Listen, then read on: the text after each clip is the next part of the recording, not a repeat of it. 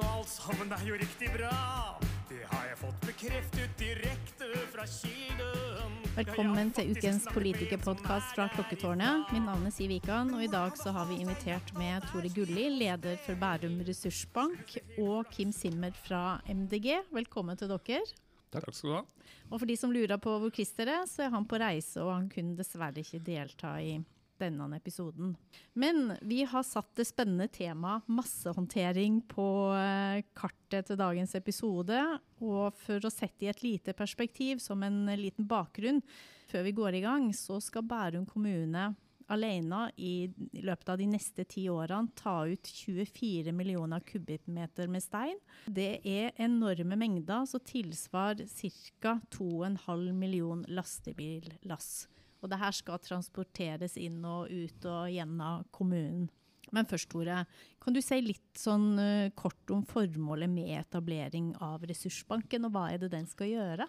Ja, da vi startet Ressursbanken, da var jeg faktisk næringssjef. og Da så vi at vi fikk masse prosjekter, politisk ønskede prosjekter til kommunen. Eh, som alle ble, nesten alle i hvert fall ble bejublet. Eh, de kom samtidig. Det kom masse penger med. Og så kom det som en følge av disse prosjektene masse stein, fordi alle skulle bygge tunneler. Og så så vi på, på næringsmulighetene ved at dette skulle bygges i Bærum i løpet av en åtte års. Og så så vi på at dette blir også mye belastning på kommunene. Og så tenkte vi vi må minimalisere belastningen og maksimalisere utbyttet eller resultatet fra disse prosjektene. Så startet vi som et uh, kommunalt uh, prosjekt, Bærum ressursbank, og satte oss ned og snakket med alle aktørene. Og så har liksom dette utviklet seg gjennom mange år. Og da var etablering av Ressursbanker som et selskap eid av Bærum kommune? Ja, vi har, et, ja. Uh, vi har, laget et, eget selskap også, ja. uh, som ikke heter Bærum Ressursbank, men som heter Steinverdi AS, som skal også være med Stemme, å ut, det det. ut, utvikle det videre. For å, for å, ha flest mulig verktøy. For vi gjør ting som aldri har vært gjort før. Og vi, vi håndterer steinmasser, som du sier, som er mye større i volum enn jeg tror noen kommune har gjort noen gang før i normal tid. Det er enorme mengder, og vi, vi, vi, vi, klarer ikke å forestille oss hvor mye det er og hvilken belastning det er. Men stein er et ikke-fornybar mineralressurs som har en verdi. Og alle disse prosjektene har det til fellesskap, dessverre, at de behandler stein som avfall. Som loven også sier at det skal behandles. Men det blir helt feil. For dette er, dette er, dette er verdier og ressurser vi trenger til mer byggeprosjekter i, i vår region og som har en, faktisk en økonomisk verdi i mange tilfeller. Den kan selges videre. og Det er synd å ikke dra, eh, ta til seg disse mulighetene når de først kommer til oss.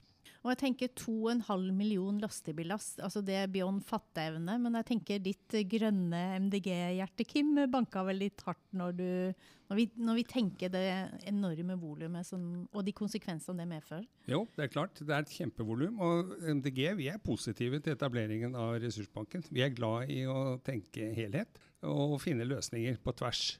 Eh, og det er jo dette et eksempel på. Og har Tore snakket en del om eh, kanskje litt økonomisk tenking, ressurstenking rundt stein. Og det vi bringer inn i diskusjonen, er nok mer et natur- og miljøperspektiv i tillegg. Men ikke i stedet for. Eh, det er viktig å understreke. Jeg føler at vi trekker, trekker lasset i nesten samme retning og mm. noenlunde sammen her. Mm. Og så har vi ulike synspunkter på noe. Jeg vet i hvert fall for egen del, når jeg først uh, fikk introdusert ressursbanken, uh, så tenker jeg en masse er vel en masse, stein er stein. Men det har vi jo lært at det er det jo ikke. For det fins urene masser, og det er renere masse, og det er veldig kvalitetsstein, og det er dårlig stein, og mange varianter og hvor man kan bruke den ulike steinen. For vi så jo når vi skulle uh, fylle ut Kadettangen, da var det jo litt mer som fulgte med stein som ikke burde vært der. Og det er jo også i et miljøperspektiv, da. Men det, det høres jo veldig komplisert ut å drive en sånn sortering også. Ja, Vi behøver ikke sortere så veldig mye, bare vi vet vi, hva som uh, kommer når det kommer. Så kan vi for så vidt ta det ganske operasjonelt greit. Men det er veldig viktig å vite hva det er. For noe som du sier, har veldig høy verdi. I Bærum er vi så heldige at vi har noe som eksklusivt som rombeporfyr, som bare finnes noen få steder i verden, som er en veldig høyverdig, høyverdig steinsort. Og så har vi, jo nærmere og nærmere vi kommer Oslo, jo dårligere og dårligere blir kvaliteten på steinen. Eh, og da får vi inn vanskeligere, eh, vanskeligere steinsorter. Men det første vi gjorde i Ressursbanken, var å gå som offentlig aktør til alle de store prosjektene og si ja, hva er det egentlig som kommer ut av disse hullene dere skal bygge. Så satte vi opp den samlede oversikten. Og det var en aha-opplevelse for alle, for da så vi hvor mye det var. Og vi så alle de 11-12 ulike fraksjonene, og vi begynte å legge planer for hva som egentlig skulle gjøres. Hva er, hva er liksom de største utfordringene til å få det her til å harmonere? Nei, Det største utfordringen er at ingen harmonering foretas. Eh, Dvs. Si at alle disse prosjektene, som alle er offentlige aktører, de har ingen tradisjon eller sedvane eller rutine eller incitament for å samarbeide med de andre. Og så blir det veldig ineffektiv operasjon. Og så står disse lastebilene fra, fra de enkelte prosjektene i kø ved siden av hverandre når de kunne hjulpet hverandre med sine dass. Eh, og det, er, det er skrekkelig hvor dårlig ressursutnyttelse uh, som egentlig ligger til grunn ved disse prosjektene, når vi vet potensialet. Vi regnet på en, en gevinst på over 4,5 milliard kroner i løpet av en åtteårsperiode, og en innsparing i CO2-ekvivalenter på litt over 300 000 tonn CO2 eh, i, i redusert utslipp, ved fremfor alt færre tra kjørte transportkilometer. Og du er jo litt opptatt av det der med samarbeid, for det betyr jo også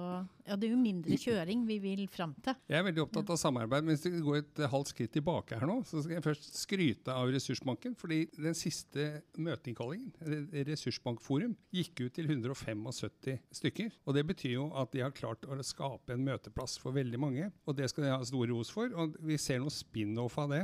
Blant annet kom jeg nå rett ned fra en presentasjon som hadde med varelogistikk å gjøre, som delvis er en spin-off av det samme. Eh, man har teknologiutvikling som er på gang, som er en spin-off av det samme. Så det som startet med å koordinere steintransport, har blitt mye mer, og det skal Ressursbanken ha, ha stor ros for. Men de pleier å starte presentasjoner med å vise en trekant. Eh, og Tore Gulli helt riktig sier at disse prosjektene pleier å håndtere stein som avfall og et problem. Men øverst, det er en motsatt sånn pyramide opp ned, og helt på toppen, det aller største arealet i den pyramiden, som er delt i lag, så står det 'reduser behovet'. Og min, en av mine kritikker mot Ressursbanken er at innsatsen for å redusere behov har vært altfor liten. Fordi man har tegnet svære eh, tårn og hauger av stein og lass som må håndteres som verdifulle ressurser. Men alt dette, mesteparten av det, springer ut av en nasjonal transportplan som man visste var kraftig underfinansiert. Og jeg har ennå ikke sett noen tydelige initiativ fra Ressursbanken eller samarbeidspartnere om å gå tilbake til sine oppdragsgivere, staten og Stortinget, og si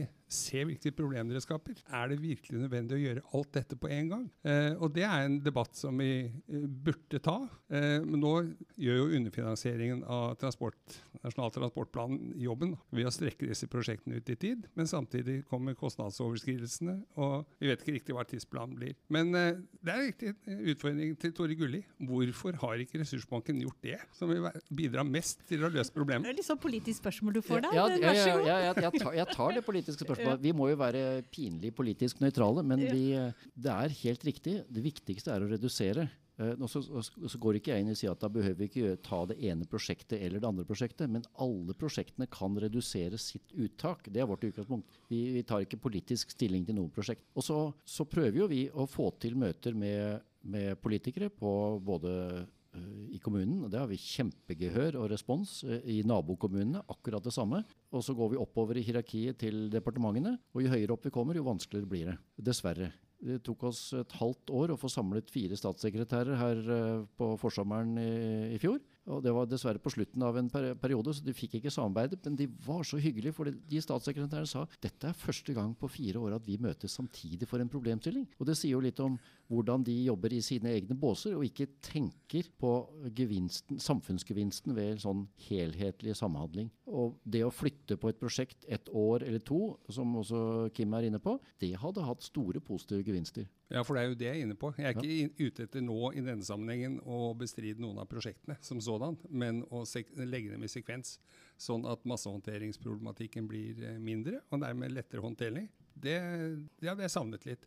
Så, så det er egentlig den store utfordringen, syns jeg, fortsatt. Og det er jo det som vi får bekreftet her. Eh, og der tenker jeg at involverte kommuner også eh, kan løfte seg og, og ta fatt i dette på en, på en enda mer strukturert og målrettet måte. Dette er, dette er et u-land for de aller, aller fleste kommuner. Det er, og for politikere, må jeg si. da, øh, Fordi dette er tungt, det er ikke noe gladsak, det er vanskelig. Og da utsetter man det til aller, aller, aller sist i saksbehandlingen, og så blir det litt angstbitersk håndtering av det. Men det skulle jo skjedd helt først. det skal, vi skal ikke godkjenne den saken før det er en god massehåndteringsplan og vi utnytter ressursene på en god måte.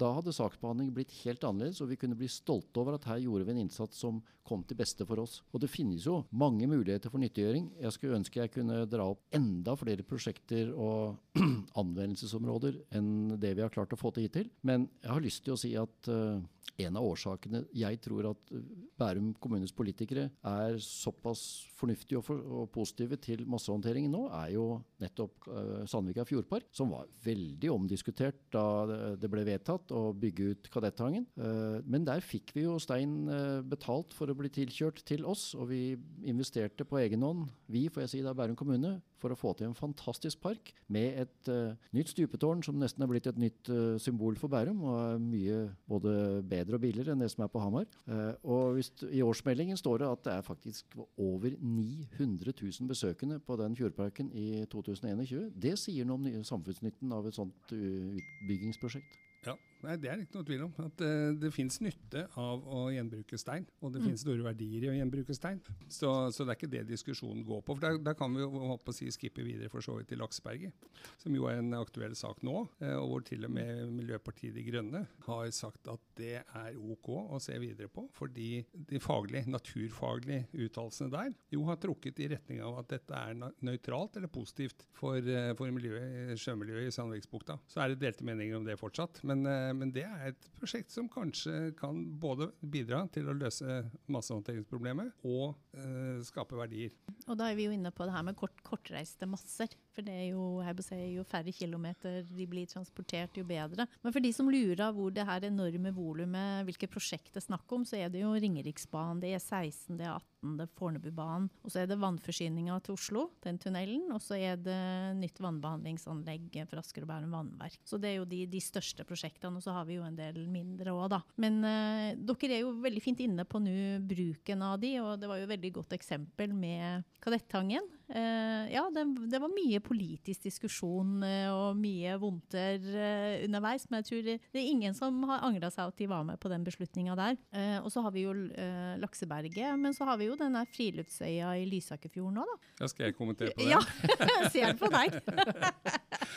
ja, det, det, gjør jeg gjerne, for det er jo den stikk motsatte av uh, Lakseberget. Der var jo helt klare faglige frarådinger fra den uh, planen som ble lagt fram. Uh, og at man kan se behovet. Altså, noen mål ekstra med landareal og noen meter ekstra med strandlinje på Fornebu, et område som skal utvikles med mange flere mennesker, har jo isolert sett selvfølgelig en verdi. men det prosjektet slik det var formulert, det var jo dårlig. Og, og at kommunen der valgte å Men på hvilken måte mente du at det var dårlig? Ja, det var påvist at dette skader naturverdier i fjorden. Men Snakka vi da ureine masser, eller Nei, var det bare at det var, masser. Det var, det var dumping, det var dumping på feil plass. Det var nær mm. fuglereservater, det, det ville påvirke strømningsforhold i fjorden, det kunne virvle opp forurensede masser, som jeg vet at varaordføreren også er opptatt av. Det er helt korrekt. Eh, det var masse feil, og det var en veldig entydig faglig fraråding av den løsningen som ble lagt fram. Så at den ble skubbet gjennom og måtte stoppes av statsforvalteren, var jo egentlig en skuffelse for oss da, i MDG, for vi mente det var så åpenbart. Mm. Eh, nå vet vi at det fortsatt diskuteres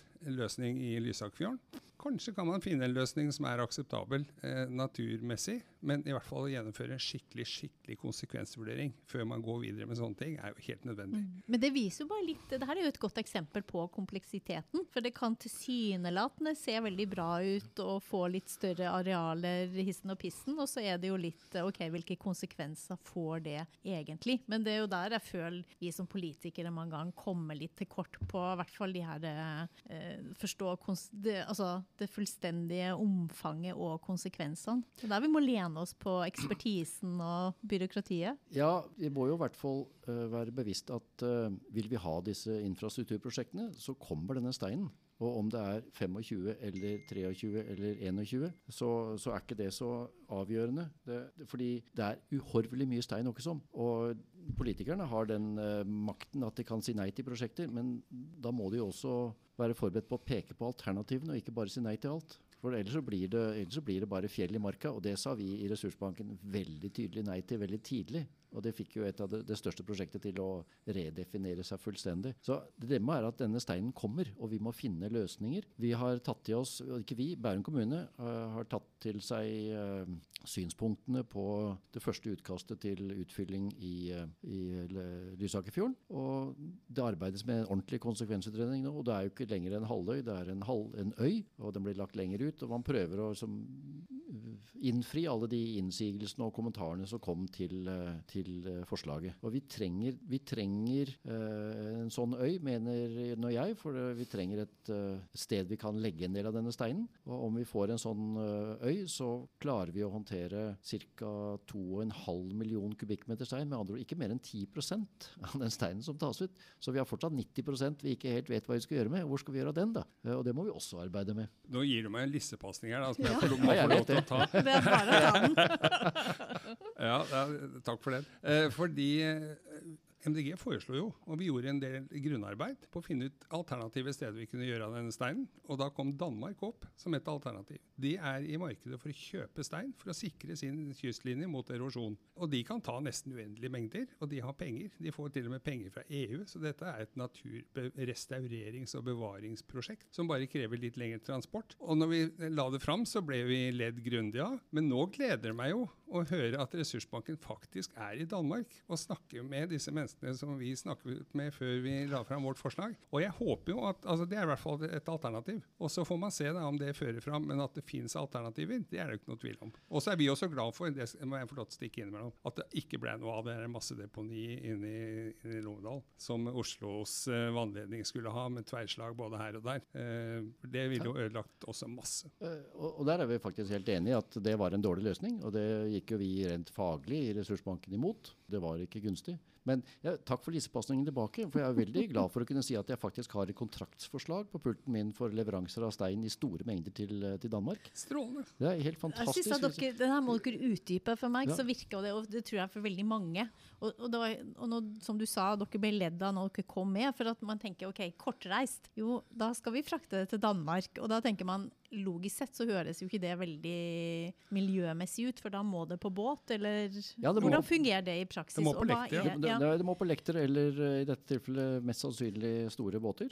Og uh, må jo tenke på at Danmark har jo ikke et eneste fjell. De har jo bare sand og grus. Og den steinen de, de, bruker til sine byggeprosjekter, enten det er til betong eller til veier eller til asfalt, eller noe, det importerer de. De kjøper den eh, på frakteren på dyr og dårlig tonnasje til Danmark for å gjøre dette. Og da er det jo mye bedre at land samarbeider om å utnytte overskudd, underskudd og finne et balanse i en region, enn at de skal bruke altfor mye penger på riktignok kjøpe en del av steinen fra Norge, men uh, da er det bedre å gjenbruke den steinen som allerede kommer ut, og så spare på de ressursene som er i Norge. Uh, og så kommer det andre dilemmaet, at, at det er bare ett sted i Oslo-området hvor vi har en havn som er stor nok til å frakte denne steinen. Den ligger i Oslo. Og Oslo vil ikke ha steintransport gjennom sin egen by, så her kan MGDG gå til sine egne kumpaner der og si at vi, må, vi trenger en havn i Oslo i en uh, fem til ti års periode som kan ta imot og håndtere stein. Så løser vi dette.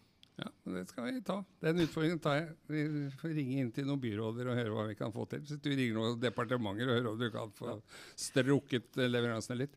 Nei, men Dette er veldig bra, for dette er jo et eksempel på at uh, tilsynelatende ville ideer da, uh, kan ende med gode løsninger. ikke sant? Uh, for meg høres det fortsatt litt vilt ut. For jeg tenker de båtene må jo være enorme, eller så må de jo være Nei, vi, vi, snakker jo uansett, selv transport til Drammen snakker jo om 100 fots lektere. Mm. så det er jo ganske store greier som trekkes sakte gjennom vannet. Og du har rett i at det ikke er kortreist, men dette eh, da, i, Danmark så skal, må det fraktes stein uansett. Og om den kommer fra Vestlandet eller fra Telemarksregionen eller fra Bærum, det er ikke den store forskjellen. Så, så netto mer på si, CO-utslipp ved å frakte herfra er ubetydelig eller ikke-eksisterende.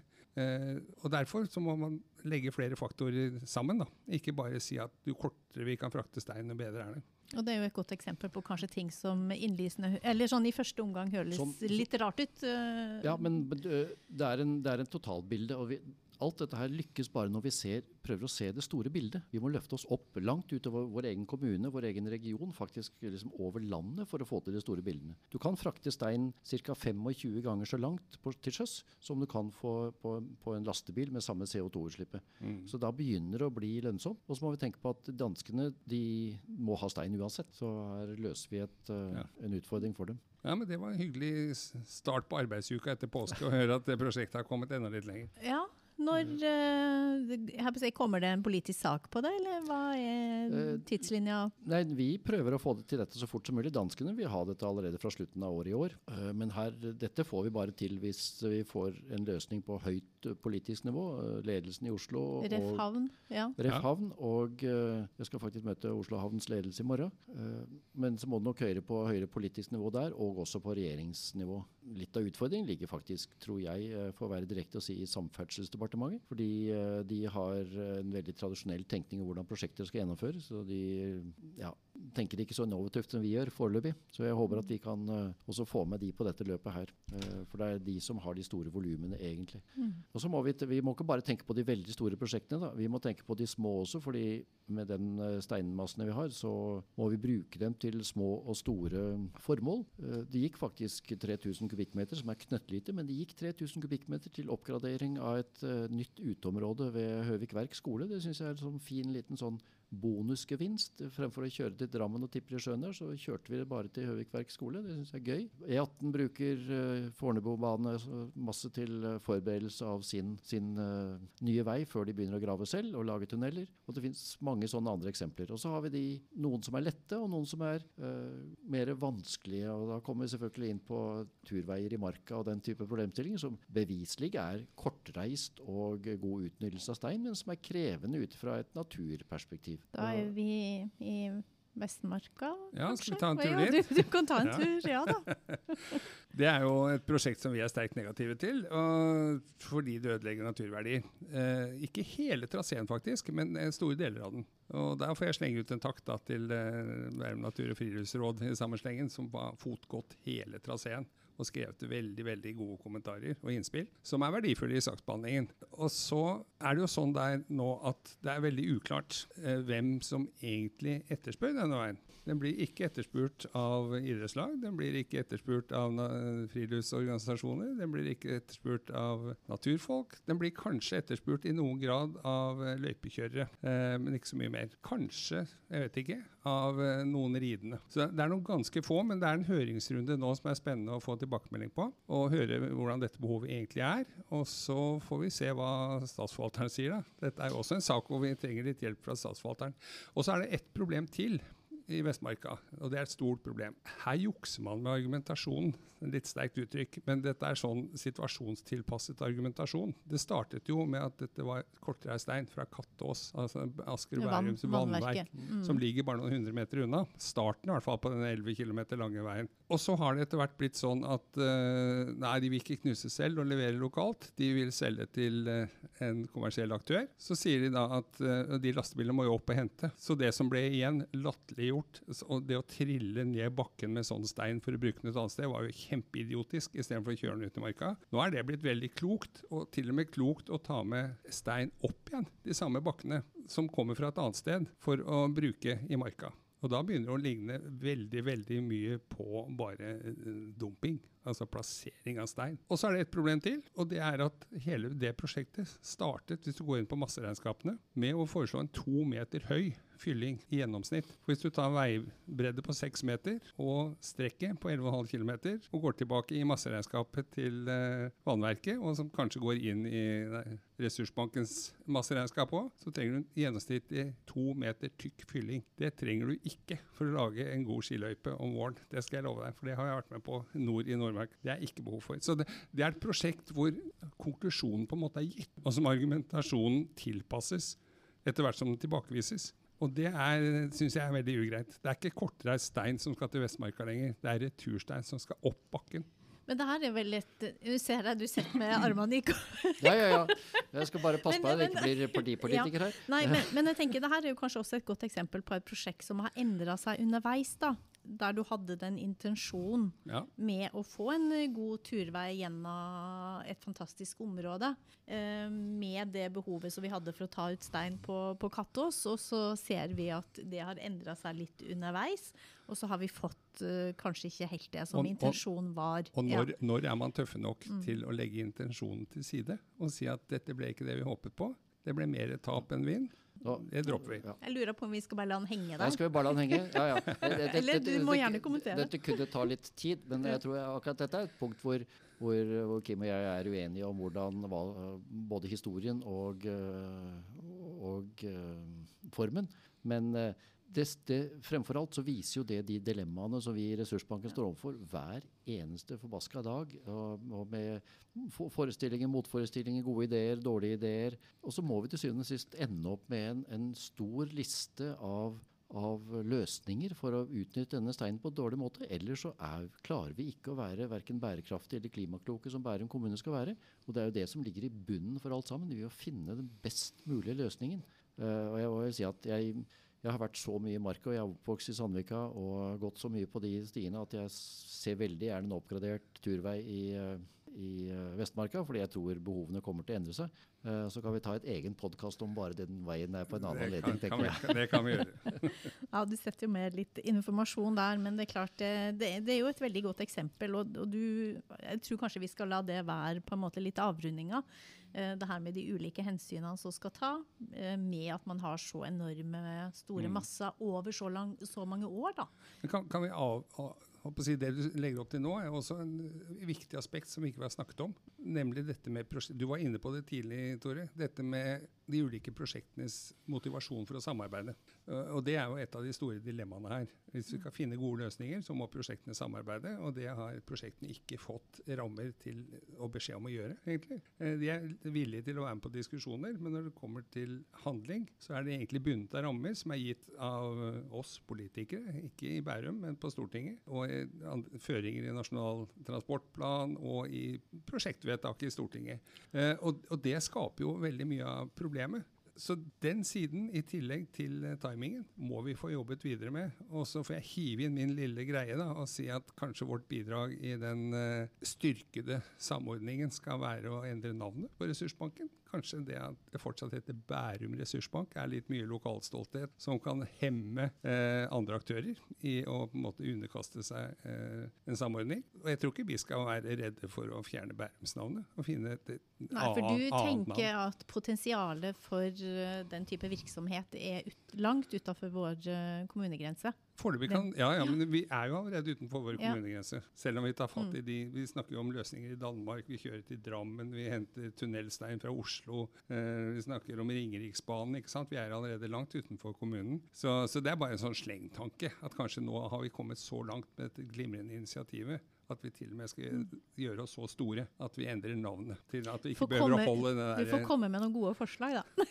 Det var, ja, altså, det var, ja, ja, altså, sånn, vi kan jo si Norges ressursbank. Vi, Ja. blir det Norges statsbank. Vi kan flytte, flytte inn, ja. ja, ja. Flytte inn i det gamle steinhuset som Ja. står i Myntgata. Ja. Det hadde vært kult etter hvert. Selv om Ja, vi skal, ja, ja. ikke, vi skal ikke bygge oss palasser. Men det er greit å begynne et sted, da. Ja. Så om man begynner Mm. lokalt, så kan man jo ende, ende større. Det er jo, hvis jeg får bare si at det er jo, jeg er jo veldig stolt over at det vi har gjort, faktisk har skapt interesse så mange andre steder i landet. Enten det er Rogaland, Bergen, Trondheim Siste jeg snakket med, var Bodø kommune, som skal gjøre store utbyggingsprosjekt. Og så ikke minst sta, bitte knøttlille Stad kommune, da, som får en svær haug fra, en- fra en tunnel, skipstunnel i sitt område. Så det er universelle problemstillinger. Det er krevende problemstillinger. Og vi må, det fins bare én oppskrift for å løse det, og det er helt nytt og nytenkende samarbeid mellom masse ulike aktører samtidig. Ja. Det var i hvert fall en oppsum, god Det var en bra oppsummering. Ja. og derfor, gjenta, Bærum ressursbank fortjener stor ros for det arbeidet de har nedlagt. Det har vært viktig, og det har frembrakt mye. Mm. Men ikke riktig nok ennå. Vi er på vei. Skal vi gå videre til uh, funfacten? Uh,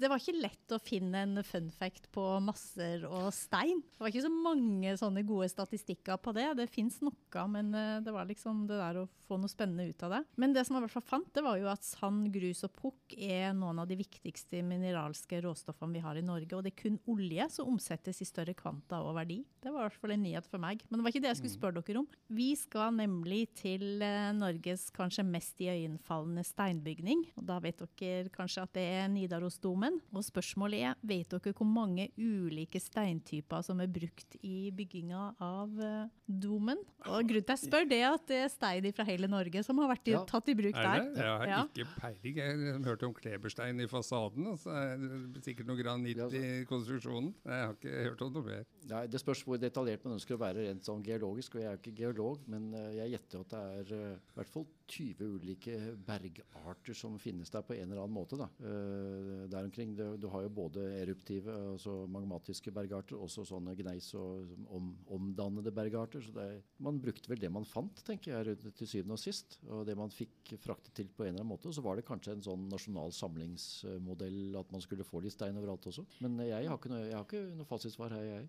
Nei, eh, rundt 70 forskjellige steintyper. 70, Ja. Um, og de hadde en opptelling, det var vel skrevet en, en eh, oppgave på det òg, men det er i hvert fall brukt uh, bl.a. 23 typer kleberstein og 14 varianter av marmor og kalkstein. Så eh, Nidarosdomen er jo også et kanskje utstillingsvindu for norsk natursteintyper. Det er spennende. Så da blir vi jo se på Nidarosdomen med nye øyne. Da. Nei, men det, er jo en, ja. ja. Ja. Det er en ressurs, vi skal ta Ja. vare på den. I dag hørte jeg at vi fant, de har funnet spennende fossiler i utgravinga i uh, Sandvika øst her. Vi må jo ta vare på det også, og vise at eh, dette er en del av vår historie. Million, tusenårshistorie, faktisk. Mm. Spennende. Men da gjenstår det å takke for oss, og veldig hyggelig at dere hadde muligheten. Dette er et kjempespennende tema, og sikkert noe vi kommer til å følge tettere etter hvert. Siste ord er nok ikke sagt når det gjelder veien i marka, men eh, vi får se hvordan det blir. Ja, takk skal du ha. Ha det bra. Ha det. Ha det.